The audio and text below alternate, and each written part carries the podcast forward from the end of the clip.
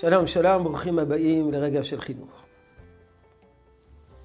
הסדרה שלנו עוסקת במידות, חינוך למידות, דרך ארץ שקדמה לתורה. בנושא שבו נעסוק בזמן הקרוב זה הסתפקות במועט, מותרות, באיזה מידה אנחנו צריכים להרחיק את הבנים, את הילדים שלנו ממותרות, ומה הסיבה. אז נפתח ב, ביסוד.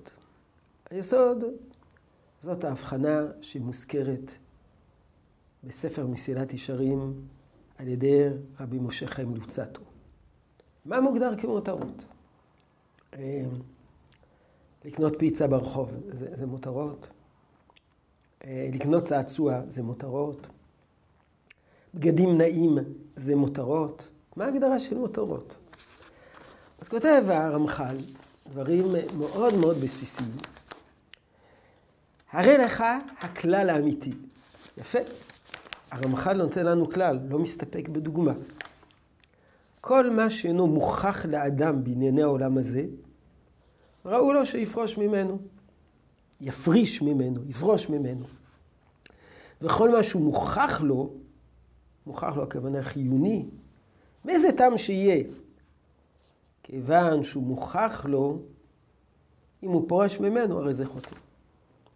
אומרת, כשמדברים על הסתפקות במועט, לא הכוונה לוויתור על החיוני. לא שאדם יאכל אה, חצי ארוחה וילבוש חצי בגדים, חצי בגד. ודאי שלא. כל מה שהוא חיוני, אי אפשר לוותר עליו בשום פנים ואופן. הדיון הוא מה שלא חיוני. מה שלא חיוני, אומר, אומר הרמח"ל, ראוי לו שיפרוש ממנו. זה הגדרה כמותרות. מותרות פירושו דבר, דבר שהוא לא חיוני. שואל הרמח"ל שאלה שמתעוררת מאלה.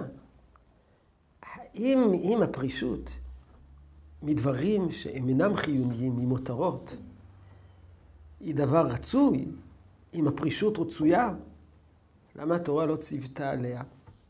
למה אין חובה לפרוש ממותרות? עונה הרמח"ל. הנה התשובה מבוארת ופשוטה. כי לא גזרו חכמים גזירה, אלא אם כן רוב הציבור יכולים לעמוד בה. ואין רוב הציבור יכולים להיות חסידים, אבל די להם שיהיו צדיקים. אנחנו חייבים להיות צדיקים. כל אחד ואחד צריך להיות צדיק. כל אחד ואחד יכול להיות צדיק. חסידות זאת מעלה שהיא לא, היא לא, התורה לא גזרה. לא התורה גזרה ולא חכמים גזרו. ולכן הדבר הראשון והבסיסי ביותר זה לחנך את הילדים שלנו שיהיו צדיקים. מה הכוונה צדיקים? אתה הולך לקנות פיצה. אולי פיצה זה מותרות, אבל תקנה פיצה מחנות כשרה, אולי אפילו חנות למהדרין. תיטול ידיים לפני כן, תזמן, תברך ברכת המזון. זה להיות צדיק. להיות חסיד, זה התורה, לא מטילה ולא מחייבת. ולכן גם אנחנו, בחינוך, אנחנו צריכים להבחין בין צדיקות לבין חסידות.